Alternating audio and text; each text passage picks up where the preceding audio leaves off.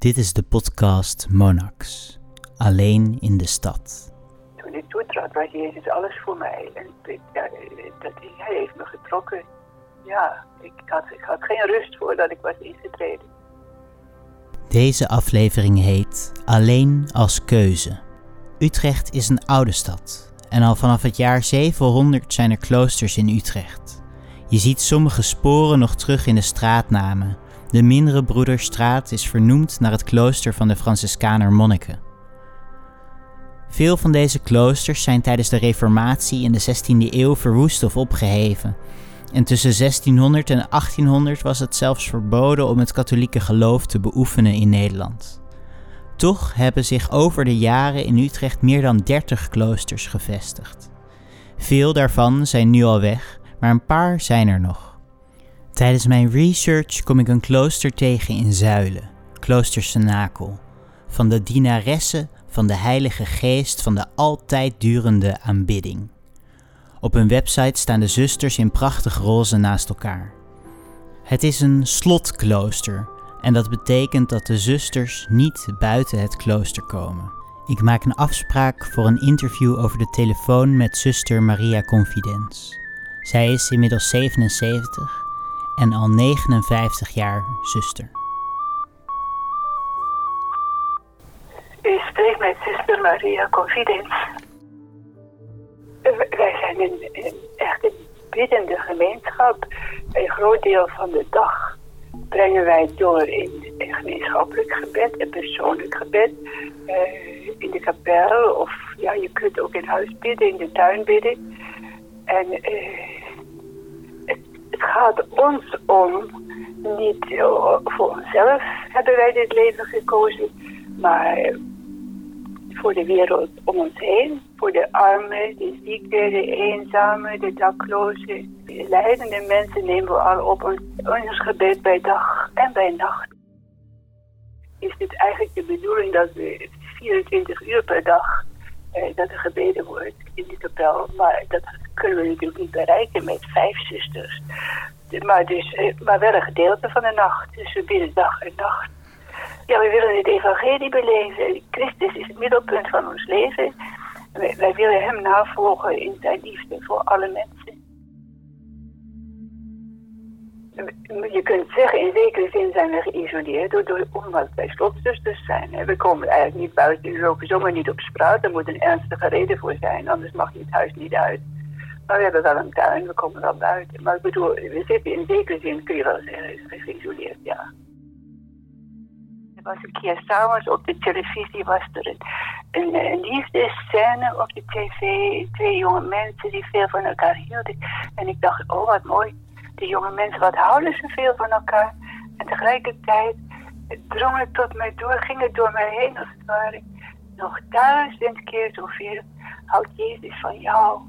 En ik ben uit de kamer weggegaan. En ik, ik ging voor de spiegel staan op mijn kamertje. En ik zei, waarom houdt hij zoveel van mij? Ik heb toch niks. En ik ben toch niks. Maar ja, voor God hoef je niks te hebben. Je moet, je moet alleen maar zijn en geven. Ik was bijna 19 toen ik intrad. Eerst MULO gehad en daarna heb ik op het conservatorium muziek gestudeerd. En die studie heb ik afgebroken omdat ik dacht, ja, in het klooster kan ik verder orgel studeren. En zo is het ook gegaan. Ja, daar ging maar weinig nog. In die tijd werd het al veel minder dat mensen naar een klooster, een klooster intreden. Er waren er weinig, ja. Afscheid nemen dus van de familie. Ja, nee, dat was niet zo makkelijk, natuurlijk niet. Natuurlijk niet. Het was een warm nest. 14 kinderen waren, ik kende ook die intreden. Ja, ik, ik vond wat ik zocht hoor. Ik dacht, ja, dit is het echt, maar eh, niet, je, moet, je had nog jaren nodig om er echt helemaal in te leven. Om daarin te groeien. Ja, het was toch een hele overgang. Ik heb er nooit echt spijt van gehad hoor. Dat is niet, niet in woorden uitdrukken wat het is. Om, dit te mogen doen, om dit te mogen zijn. Om, om met Christus verbonden te leven. Ja, daar komen, daar komen nogal eens mensen langs. Het is nu minder vanwege de corona. Maar eh, er komen vooral Filipijnse mensen, omdat wij ook Filipijnse zusters hebben. Die komen van, de grote kring hier om, om Utrecht heen, van, tot Amsterdam en, en Horen en toe komen ze naar hier om uh, met ons mee te vieren. Eens in de maand is de Filipijnse mis, maar ook Nederlanders hoor. En ik krijg veel e-mails om het, uh, die gebed vragen voor hun intenties. Mensen die, die stieken hebben of overledenen. En die worden allemaal beantwoord. En ik ben heel gelukkig dat ik die mensen een beetje kan troosten. Een beetje ja natuurlijk, op een religieuze manier. Morgen om kwart voor zes gaat de bel. En dan uh, hebben we getijdengebed hebben we over de hele dag verdeeld. Dat begint dan om kwart over zes. En dan hebben we een half uur meditatie en dan hebben we de Eucharistie, morgengebed en de Eucharistieviering en daarna ontbijt. En dan gaan we weer terug naar de kapel, weer drie psalmen en weet je, de psalmen niet alleen, er komt natuurlijk ook oratie en voorbeden erbij. Een lezing uit de geschrift, korte lezing. En uh, tussendoor hebben we werktijd natuurlijk. En in die werktijd zit ik aan de telefoon, aan de e-mail en aan de bezoekontvang in de spreekkamer. En, en uh, nou ja, er is nog wat anders te doen als je de zorg voor de administratie hebt. En de andere zusters hebben weer een andere taak. De een zorgt voor de keuken, de ander voor de was, de ander voor de, uh, voor de sacristie, de liturgie voorbereiden. En ze hebben ook twee vrijwilligers, die ik hier uit het raam bezig. Ze doen erg hun best om de tuin een beetje mooier te maken. Daar hebben we vrijwilligers voor, die, die doen onze boodschappen. En tegenwoordig heb je ook picknick, hè. Die brengen alles aan de deur, zo handig. Je online bestellen, hè, dat is ook best leuk om te doen. ja, we hebben natuurlijk uh, vanwege onze, onze regel hebben we natuurlijk veel stilzwijgen. Maar we hebben elke dag gezamenlijke recreatie samen, drie kwartier. En we spreken bij het middageten. Dat is ongeveer het gewone. Dus we spreken elkaar elke dag. Er is een, een vriendschappelijke band, zou je kunnen zeggen. Ja, en de, natuurlijk, je bent met de ene meer, voel je je meer verwant als met de andere. Dat is heel normaal. Natuurlijk kan het best voorkomen dat een zuster zich eenzaam voelt. Maar het is verschillend, hè. En de overste die heeft steeds met de zusters te doen, dus die voelt er niet zo gauw eenzaam. Maar eh, ja, uiteindelijk is, is het eh, het grote geluk met de Heer te zijn en te vertrouwen op Hem. En, maar ja, als iemand er nou minder heeft, dan zal hij zich eerder eenzaam voelen. Niet alle zusters uh, zijn gelijk, hè? Ook in, het gebedsleven niet. Dat is, dat is verschillend. Het is de bedoeling natuurlijk. Dat je, eigenlijk vind je je, geluk in, God, de Heer, Maria, de engelen. het is eigenlijk al een beetje hemels leven, hè? Uh, je moet eten, je moet drinken, je moet uh, er genoeg rusten. En ja, natuurlijk, dat is waar. Je kunt ook ziek worden. En daar heb ik ook al eens ondervonden. Dan denk je wel eens, oh, het is geweldig om gezond te zijn. ja, dat is, kan heel moeilijk zijn, maar eh, ik, heb geen tijd om te balen. nee, de tijd vliegt zo vreselijk hard. Dus er is echt, geen, echt geen tijd voor, nee. Kan wel eens moe zijn, ja, dat, natuurlijk. Ik kan wel eens in stress zijn. Dan zeg ik, nou hier, hier, ja, dan maar de stress. Ik geef je mijn stress. Meer heb ik niet. Ik heb geen tijd om eenzaam te voelen. Nee, mensen die niks te doen hebben, die zullen zich eerder eenzaam voelen, denk ik. Maar ik heb echt, de dag is helemaal gevuld. En ik, ik vind daar mijn, mijn, mijn voldoening, mijn vreugde in. Geeft mensen verlichting. Dat is een mysterie van God, denk ik. ik weet het niet. Hoe ziet dat eruit? Ja, ik, ik glimlach tegen hen. Maar omdat ik, omdat ik weet eh, dat ze het moeilijk hadden. En uh, opeens beginnen ze te stralen. Hè? Te stralen dat ik uh, geglimlacht heb, ik weet het niet.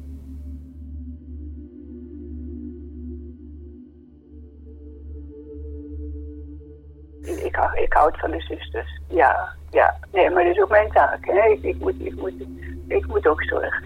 En ik heb de opdracht aanvaard.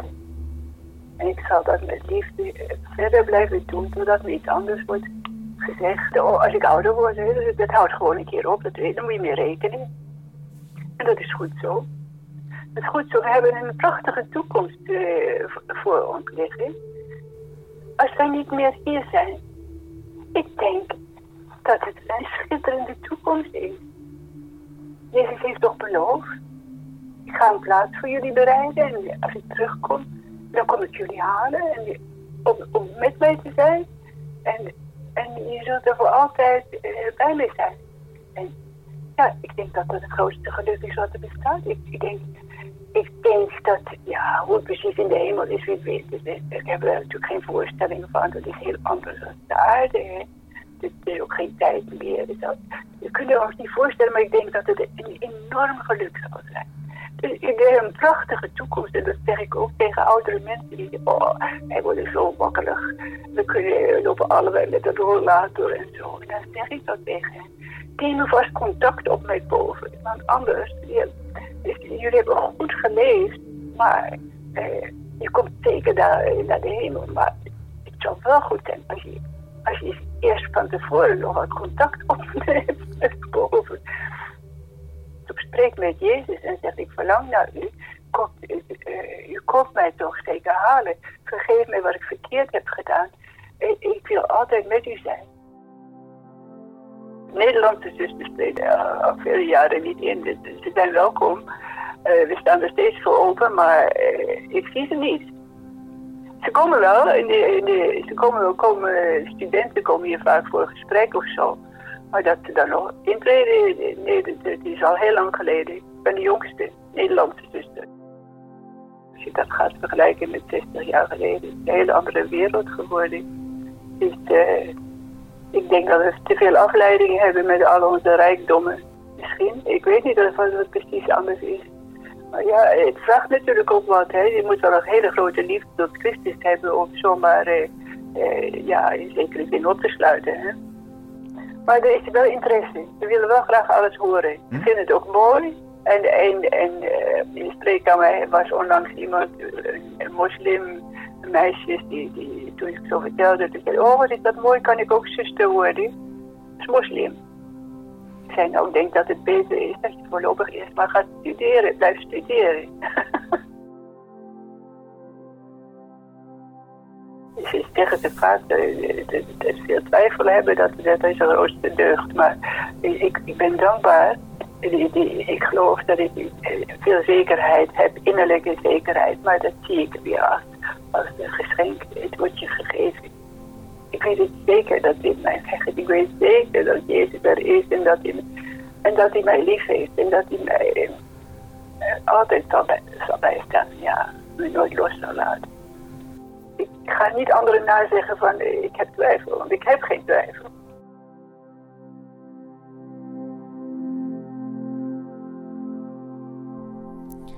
Je luisterde naar de aflevering Alleen als keuze van de podcast Monax, Alleen in de stad. Deze productie is een samenwerking van mijzelf, documentairemaker Chris Rijksen, ontwerper Siba Sahabi en is onderdeel van de expositie Living Apart Together van Raum in Utrecht. Kijk op de website monax.nu voor alle afleveringen en meer.